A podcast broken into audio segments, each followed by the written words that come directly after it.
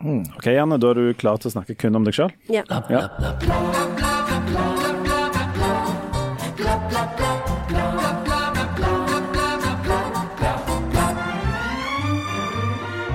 Vil du at vi skal stille deg spørsmål, eller vil du bare ha en halvtime for deg sjøl? Eh, har vi begynt? For jeg, Jeg jeg har ikke så begynt. enormt lyst til å snakke. Bare, bare snakk du, Janne, Ja. så skal vi Tar du, luk, du slukker lyset når du går? det, det må være greit.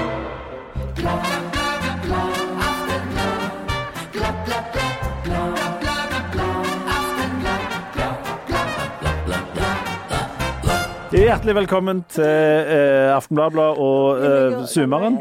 Er du litt sliten allerede, Janne? Ja. Nei, men i dag skal det jo handle om deg. I, deg, og deg eller utgangspunktet er deg og ditt. Det kommer til å bli kjempekjekt.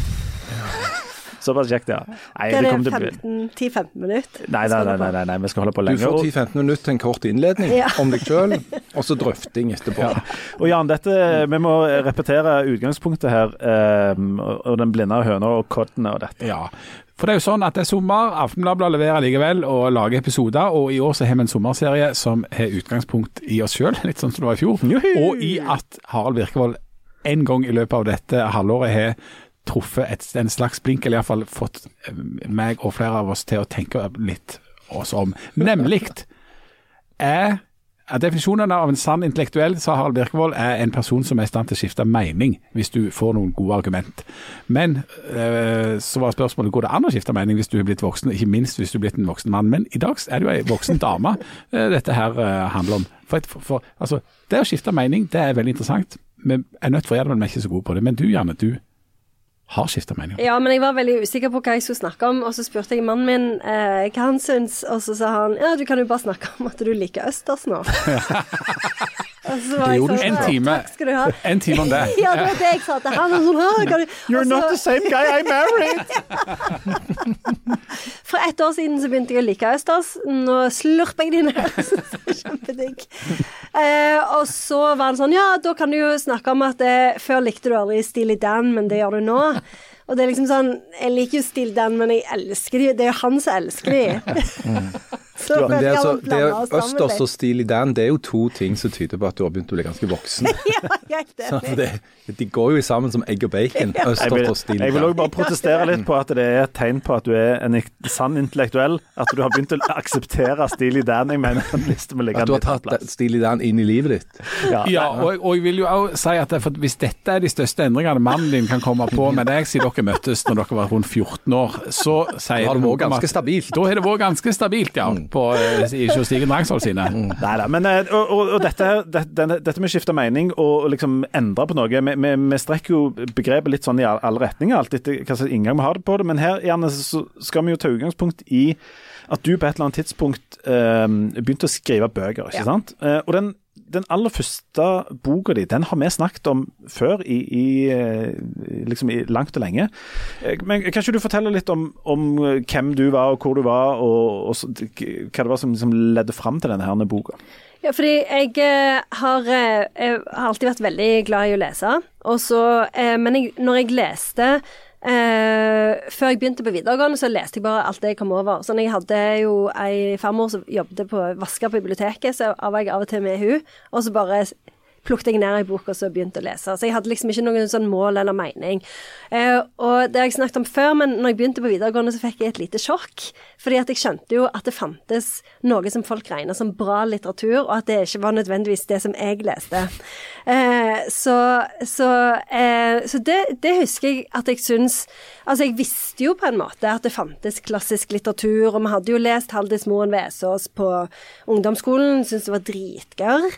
Eh, men jeg, men jeg, jeg skjønte liksom at det, at gjerne eh, både med musikk og med litteratur så skjønte jeg at det var en slags sånn eh, eh, forskjell da mellom eh, eh, noe som ble regnet som bra, og noe som ble regnet som mindre bra, og at jeg eh, mest befant meg med kanskje den, den siste sjangeren. Eh, og da ble det jo veldig sånn Jeg husker spesielt eh, at eh, jeg var veldig klar for å like Pixies. Og de likte jeg ikke i det hele tatt. Det er fordi det er veldig, veldig stygt. Ja, det er veldig stygt, så jeg, jeg husker at jeg måtte Det er bedre enn Steely Dan, men ja, det er jo det, men jeg måtte Jeg husker jeg hørte på denne Tromplemond om og om igjen. Bare for å se om jeg liksom jeg klarer jeg å begynne å like det. Jeg klarte jo å begynne å like det til slutt. Klarte å hjernevaske meg sjøl til å Men, jeg, og, men det, og det har jo ikke noe med Det har jo ikke bare med hjernevasking, ja, men det har jo òg litt med det der med å bli voksen og like mer kompliserte ting, og like ting som gjerne er det som de i England kaller for acquired taste. Ting, Det er er litt, alt ting som det er litt motstand i. Ja, for det er jo ikke alt som altså, Oliven og kaffe og, blå, og, og blåmuggost og sånt. Nemlig, Ja. ja. Så det er jo en del av det å bli voksen. Og så eh, eh, kom jeg begynte jeg på universitetet, og så ble det jo enda mer strengt på mange måter med hva en skulle like og ikke like. Og når du studerer litteratur på universitetet, så er det jo òg en litt sånn I hvert fall når jeg tok litteraturvitenskap, så er det nesten en litt sånn eh, litteraturforakt som jeg opplevde på det faget. At du skal liksom Litteraturforaktvitenskap. ja, det er egentlig det. For det, det var veldig fokus på teori, og det var veldig fokus på at du, be, at du nærma deg litteraturen nærmest med en sånn klinisk forståelse. At du skulle helst ikke føle for mye, f.eks. når du leste litteratur. Og så eh, tok jeg doktorgraden, og gjerne, gjerne, gjerne. Eh, og så skulle jeg skrive min første roman, og da hadde jeg et veldig sånn tydelig bilde av ja, hvordan skal en roman se ut. Da bør det jo helst være et sånn et litt alvorlig tema, terrorisme. Eh, det bør være eh, en slags sånn quest narrative med eh, et menneske som gjerne eh, når fram til en sånn en høyere sannhet ved hjelp av å møte mye motstand. Så det var jo mye sånn eh, Det te- høres teoribasert ut. det var veldig teoribasert, for jeg visste jo hvordan en roman Mm. skulle se ut, så jeg skrev jo på en måte det. Eh, og eh, mye sånn Ja. ja. Så, så skulle jeg skrive bok nummer to, fikk det ikke til. Eh, Men Hvordan gikk det med bok nummer én? Nei, den, den ble jo lest av ca. fire stykk, så det gikk jo veldig, veldig bra. Og Du da snakker vi om boka som heter Humlefangeren. 'Humlefangeren'. I, og, og da er vi i 2010-11 eller noe Ja, sånt? 2011 vel. Og det er jo Det var jo ei, ei tid hvor um, folk faktisk eh, ble anmeldt, altså debutanter faktisk ble anmeldt, så den hadde jo egentlig kanskje et potensial til å bli noe. Men eh, det ble ingenting. Det fisla ut veldig kjapt. Men eh, bare et spørsmål. Var, det, var dette en sånn bok som du på en måte Som ble skrevet for folk som ligna på deg sjøl? Altså som kjente til liksom kodene, og reglene og sånt? For det òg er jo litt sånn interessant, for jeg føler ikke jeg hadde noe sånn særlig um, tak på hvem som var leseren min. Jeg hadde liksom ikke noe sånn tanke på det. Og Vidar Kvalshaug? Ja. jeg var kanskje først og fremst retta til Vidar Kvalshaug. Kritiker i Aftenposten. Ja. Så han, var, han var ikke så begeistra. Han om det! Han han om det. ikke snakke om det nå. Hvem er det som ler i dag? Ja. Til Kvalsnes løk. Okay. Jeg husker at det var For jeg eh, hadde jo vært i Japan på sånn utveksling, for jeg hadde jo studert i Japan, så jeg husker det var en sånn en scene i den boka som jeg syntes var veldig gøy å skrive. fordi at når jeg var i Japan, så eh, i Tokyo, så jobbet jeg på en sånn konversasjonsskole. Og der var det en sånn ekstremt melodramatisk eh, sjef. Som en gang skjelte meg ut fordi at jeg hadde på meg sandaler, og da mente han da kommer folk til å tro at du er med i mafiaen, så nå går jeg konk. Takk skal du fader meg ha. Og han var veldig løyen og veldig stress. Eh, jeg fortalte om en gang eh, kjæresten hadde liksom prøvd å ta selvmord. På et veldig sånn grafisk vis. Og jeg husker at når jeg skulle beskrive han, det syns jeg nesten var det gøyeste av alt med å skrive den boka, fordi at da eh, skrev jeg litt sånn morsomt, men så tenkte jeg ja, men jeg kan liksom ikke dra det for langt, eh, så jeg må holde meg, for dette handler jo tross alt om terror. Skal ikke være gøy. Nei. Litteratur skal jo ikke være løye. Nei, Nei. så dette, da, da eh, tok jeg meg litt sånn i det, og så holdt meg liksom på riktig side av den humorgaleien, da. Og så må du eh, da følge opp denne boka med en ny bok. Ja. Og så prøvde jeg å skrive litt i samme leia. Eh, Fosterstilling i dusjen. Eh, Altså eh, Bodde på, ute på Jæren og prøvde liksom å komme seg etter et voldsomt bedrag som hun hadde holdt med der i Oslo. Så eh, alle hater den boka. Sånn, eh, for, redaktøren min var sånn eh, Dette er bare piss. Prøvde å sende den litt rundt i forlaget. Ingen likte den. Eh, så det var veldig sånn eh, det var, Han het noe sånn 'Lyset du trenger fins'-aktig. Du skulle aldri sagt det til han Torbull. Jeg tipper han egentlig heter 'Lyset du trenger fins ikke'. Finnes ikke.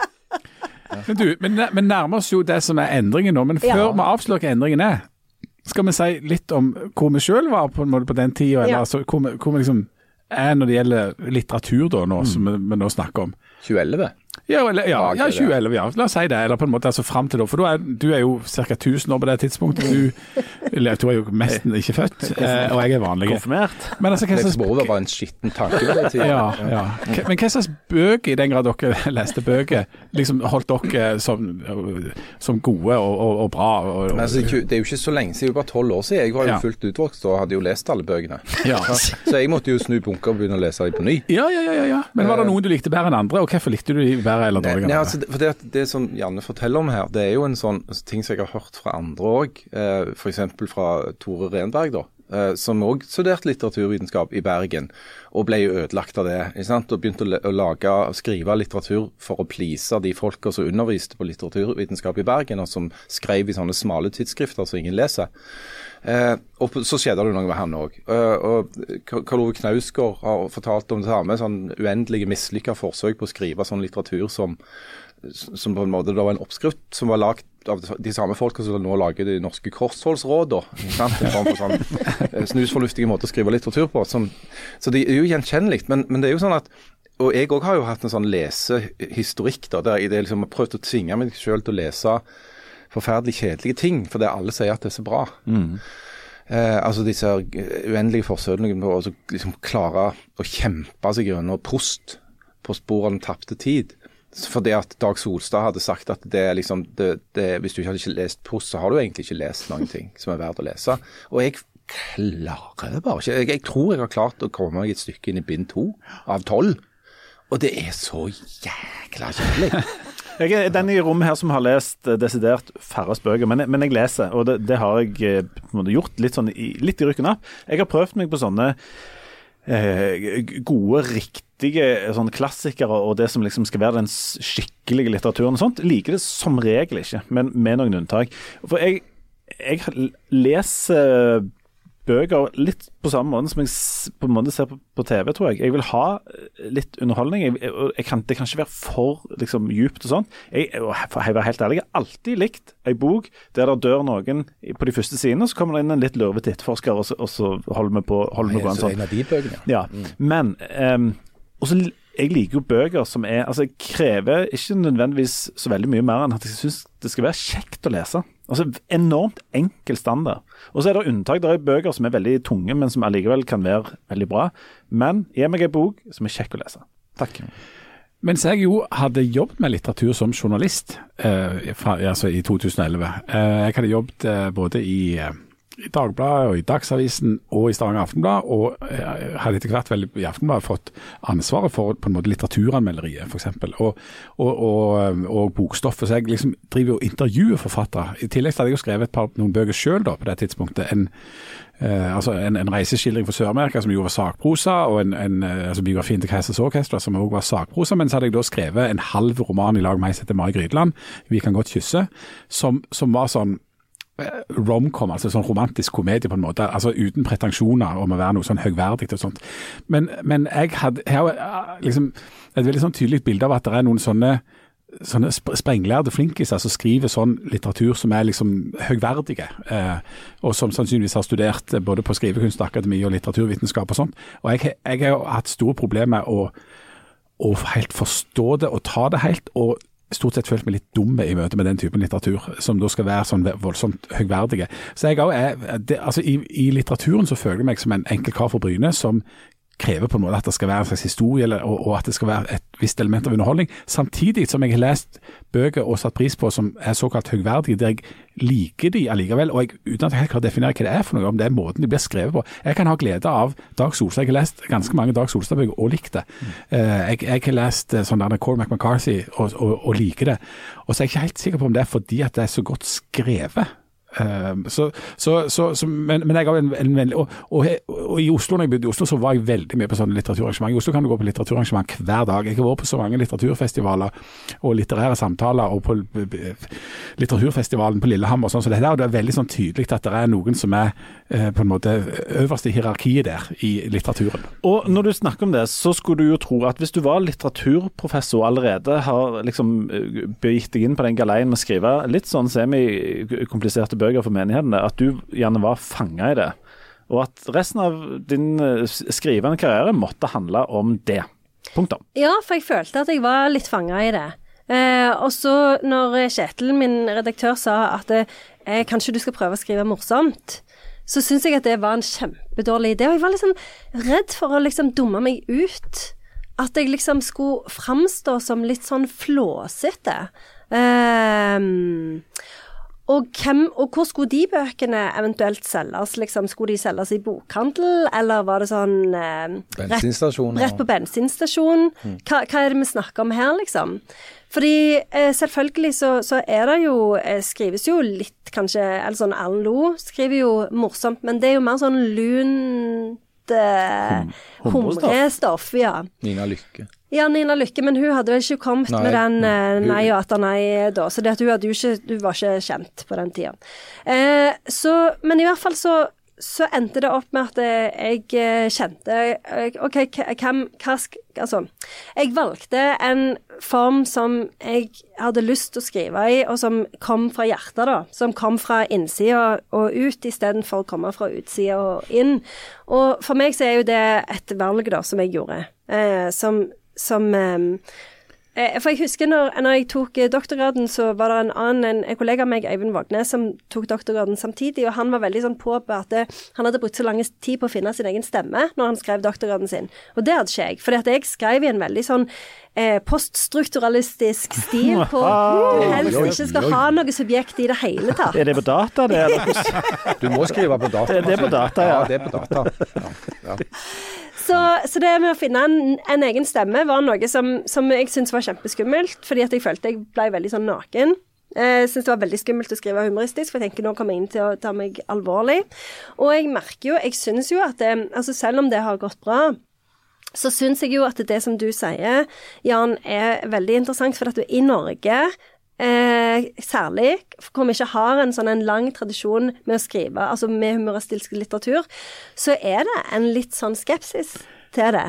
Eh, og i Norge så er det òg en sånn en litt sånn provinsiell, tror jeg, eh, forskjell mellom høykultur og lavkultur fremdeles i eh, kulturelle kretser, da. Jeg tror jo at eh, Dag Solstad sine mange frenetiske forsøk på å insistere på at han ikke er morsom, skyldes nettopp det. Frykten for at det skal kunne dytte ned av det eh, toppen av pallen hvor han sitter trygt, eh, sammen med Jon Fosse. Eh, og insisterer på at de ikke er løgne. Men begge to er jo det. Ja, og det er et kjempegodt poeng. Jeg må bare si det.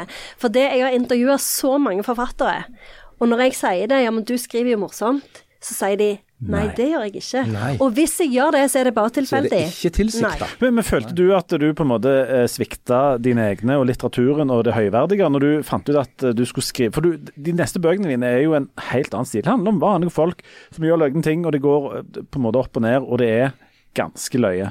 Føler du at, liksom, at du har svikta professoratet ditt? Jeg gjør jo egentlig ikke det. Jeg tror eh, Jeg har bare funnet meg sjøl. Du har funnet deg sjøl, Tore.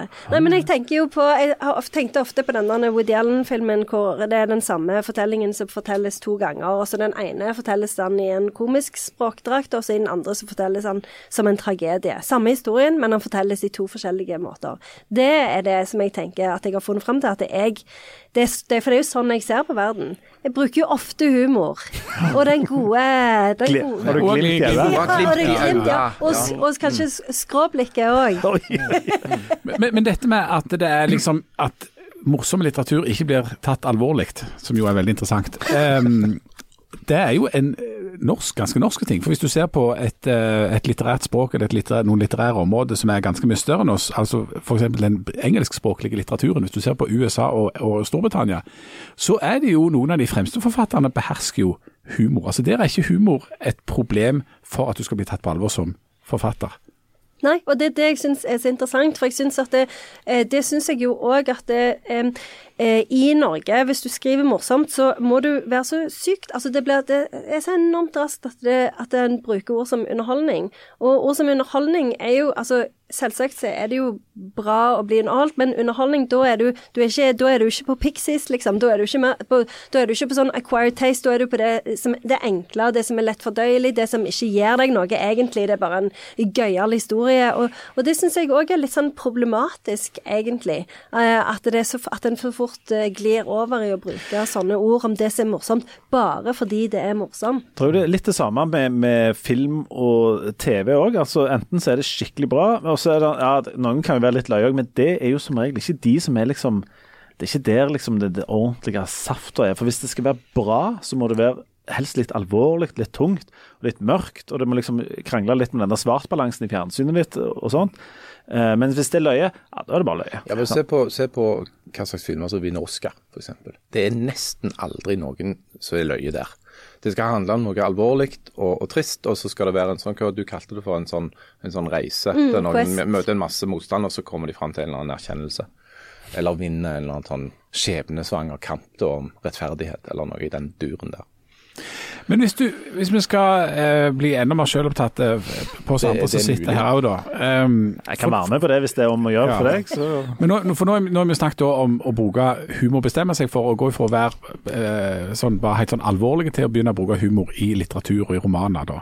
Men det yrket vi sitter i som journalister, som jo i utgangspunktet er veldig sånn tort og faktaorientert, så det, det er jo helt uaktuelt for oss, eller det er komplisert for oss å skrive eh, nyhetsartikler med humor. Det er jo veldig vanskelig å få til. Eh, samtidig så eh, gjør vi faktisk av og til det, hvis du er i stand til å lese mellom linjene. Eh, men ikke minst når vi skriver kommentarer, som alle vi tre gjør, så bruker vi jo humor. Og det som er og det er det mange Jeg mener jeg er for det, det er derfor jeg annet bruker det. eh, Fordi jeg mener det er et viktig virkemiddel. Fordi jeg har lyst òg at tekstene skal være underholdende, og at de skal være eh, noe du gidder å lese, for det er flere poeng i det da. Men der ligger det òg en fare i både å, at, å ikke bli forstått, for det er jo det som er det kompliserte med humor og ironi, at det lett blir misforstått, og at vi ikke blir tatt på alvor. Eh, Leif Tore, du, du er en veldig fersk eh, politisk kommentator i Stavanger Aftenblad. Ja, det, dette er jo kjempevanskelig. fordi med en gang du begynner å, å uh, rolse litt, så går jo det av den der seriøs-kvoten din, sant. Du, eh, finnes jo alltid en eller annen slags sånn balanse der. Men eh, noen vil jo mener jo at du ikke kan Eller klarer ikke å lese denne kombinasjonen av at det er litt lett og litt løye, samtidig som det du skriver om er, egentlig det er veldig alvorlig. Altså, jeg- for min del skriver jeg om ganske kjedelige, viktige, sånn alvorlige ting, og så prøver jeg å lette det med litt sånn humor. Du gjør jo egentlig det samme, Janne, for det er mye i de bøkene dine som er eh, veldig sånn grunnleggende eh, ting for et menneske. Og så er det litt sånn et slør av Rolls på toppen. Og det, det der med å prøve å bli tatt seriøst, selv om du bruker det virkemidlet, det er kjempevanskelig. Og vi, og vi, vi får jo òg tilbakemeldinger på folk som syns du, med en gang du rolser bitte litt, at du er en idiot, at det er useriøst. Eh, det, det har sikkert uh, flere her har merke. fått noen av de beste komikerne jeg vet om, er jo i bunn og grunn dønn seriøse, ganske alvorlige folk. Eh, fordi at humor er jo et virkemiddel. Det er en teknikk. Eh, akkurat som en vits, altså den enkleste form, en sånn one-liner eller sånt, det, er jo egentlig en teknikk. Det, det, altså En one-liner, en sånn vits, det, det, er jo bare et forventningsbrudd. Du tror det kommer til å si én ting, så sier de en annen. Og så sier du ha-ha-ha. Av overraskelsen. Men hvis du ler sånn ha-ha-ha, så var det ikke så løye, kanskje. Ja, eller kanskje enda mer enn jeg gjorde nå, da. Men altså, det er det som er løye. Og det er en teknikk, rett og slett. Eh, og, og, og det er mange som ikke forstår, at du, at du bruker en teknikk. Det er akkurat som du kan bruke en teknikk som handler om at du bruker masse fremmedord, eller at du bruker ingen fremmedord, eller at du ikke setter tegn, sant? komma punktum og sånn. Det er bare en måte å formidle en historie på, en fortellerteknikk på en måte, da.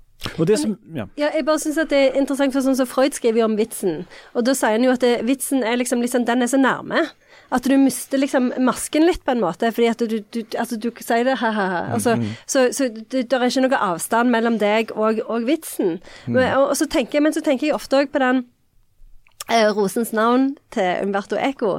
For der er det jo eh, Humorboka, Rosen. ja. Ja, ja. Den som Aristoteles. Ja, Aristoteles har skrevet en bok om humor, og den må for all del skjules, for det er farlig. Altså, så det er jo noe sånn Det er jo noe sånn veldig interessant med humor, at det er på en måte litt sånn farlig, men så er det jo òg noe som er For det er humor sånn Tradisjonelt sett så knytter en jo kanskje humoren opp med sånn eh, ritualer som karnevalet, for eksempel. Og karnevalet var jo en sånn en eh, tradisjon, eh, eller et sånn rituale, da, hvor en snudde opp ned på, på forventninger eller samfunnsroller, sånn at de Og en del regler. ja, og en del regler. Sånn en røska litt opp i ting og lagde litt sånn kaos. Eh, så det er jo farlig, på en måte. Men, det, men siden det bare var en begrensa tidsrom en hadde det, så, så var det håndterbart, da. Men der var det jo òg sånn at det, på grunn av karnevalet så er jo humoren òg noe som er eh, liksom assosiert med folket, da, å være folkelig. Så det ser, seg liksom ikke på som, som like høyverdig da, som, som alvoret.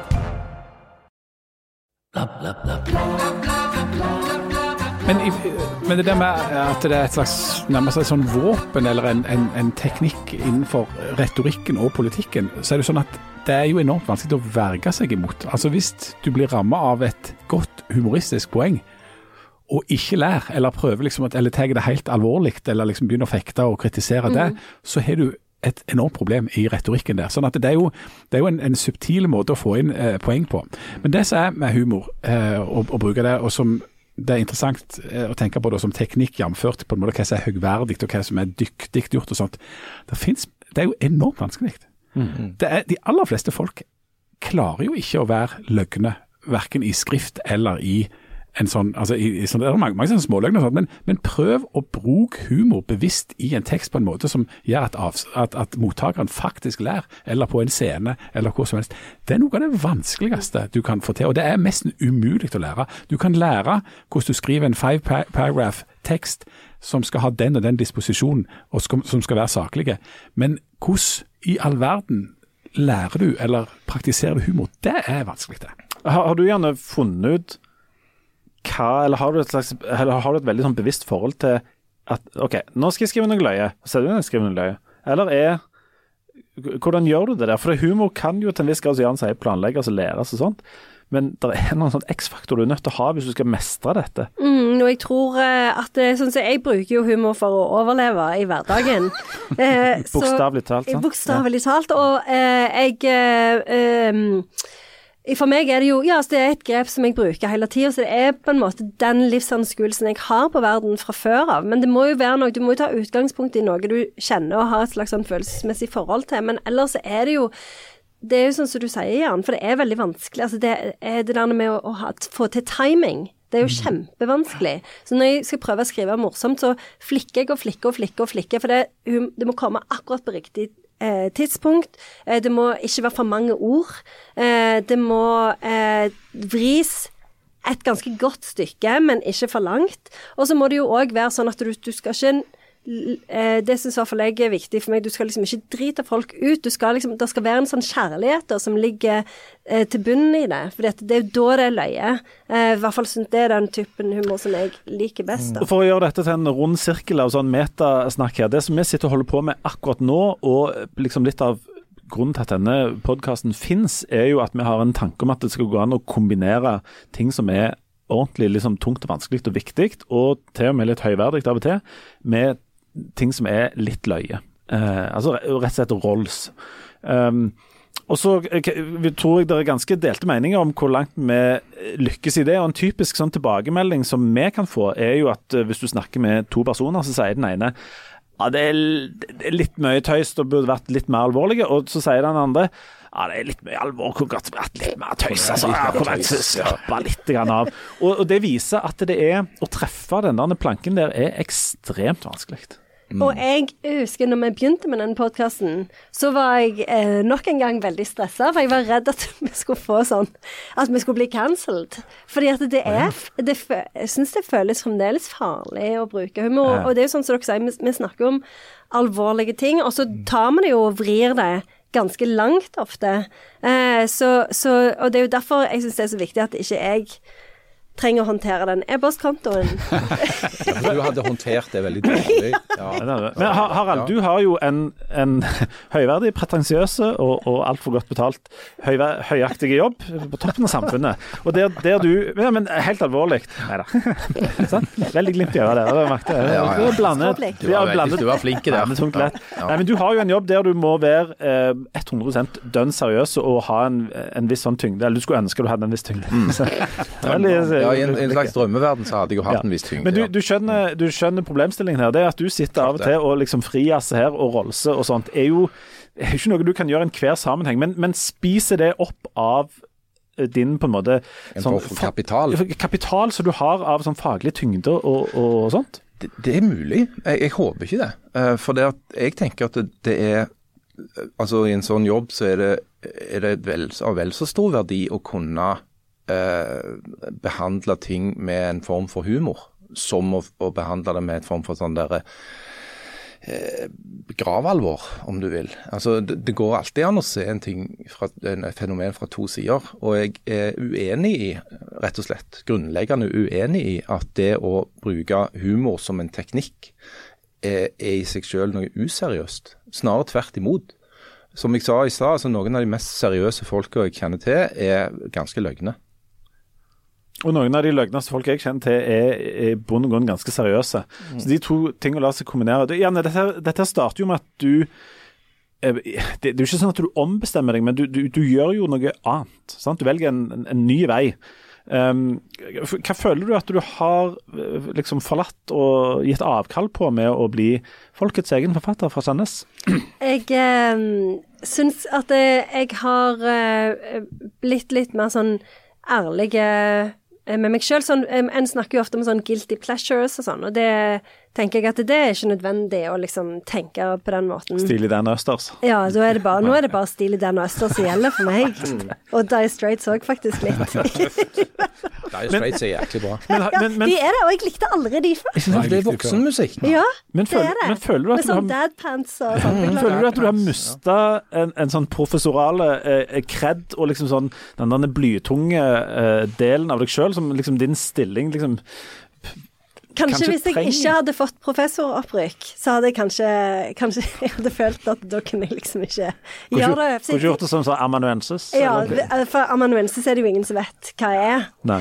Nei, men jeg, jeg tenker at eh, det er jo en veldig sånn eh, frihet i det, og, og jeg syns jo at det er veldig viktig å, å eh, lese eh, alle typer litteratur.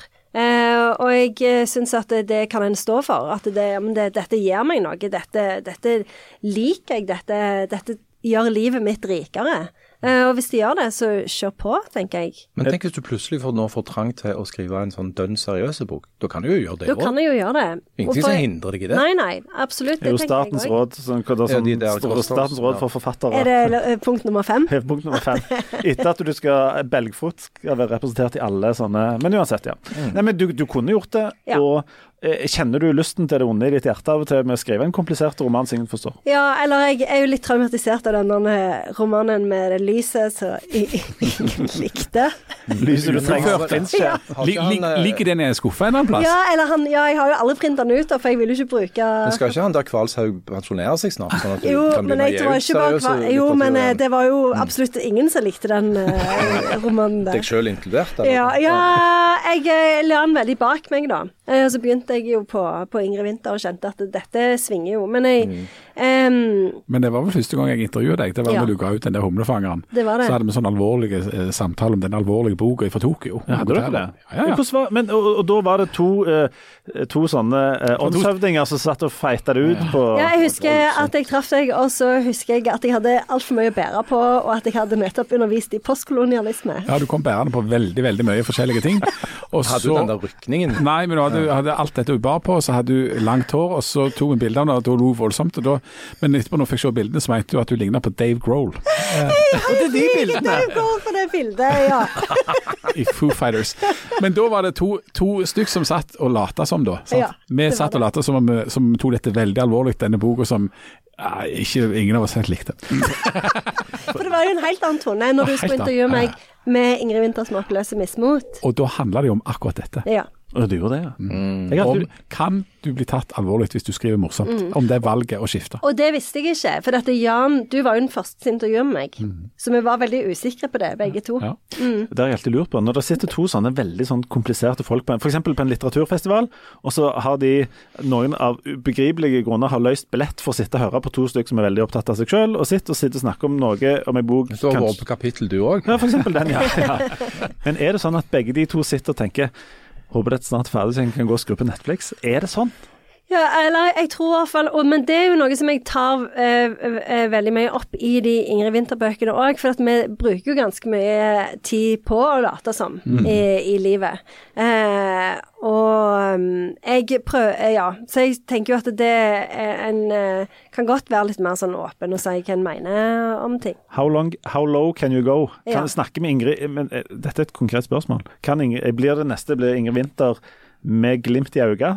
Eller Eh, og skråblikk. Ja, skråblikk. Eh, Ingrid har- Winters skråblikk.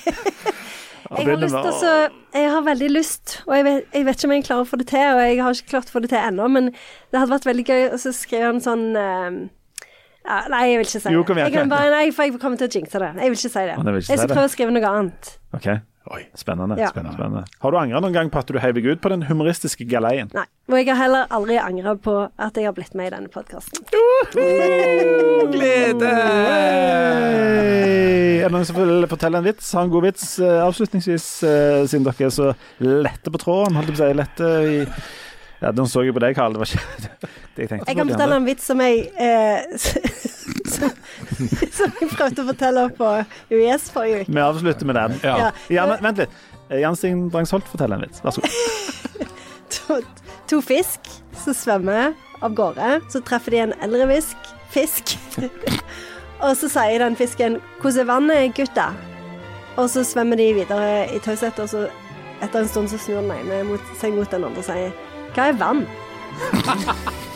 Uh, dyp. Løye, men òg dyp. Ja. Akkurat som oss. Nei, Ikke den var ikke dum. Nei, ikke dum den, altså. Jeg kommer til å tenke mye på den, i hvert fall i et minutts tid. Det sånn, det er litt sånn Schrødingers kattaktige vits. Schrødingers fisk. Ja.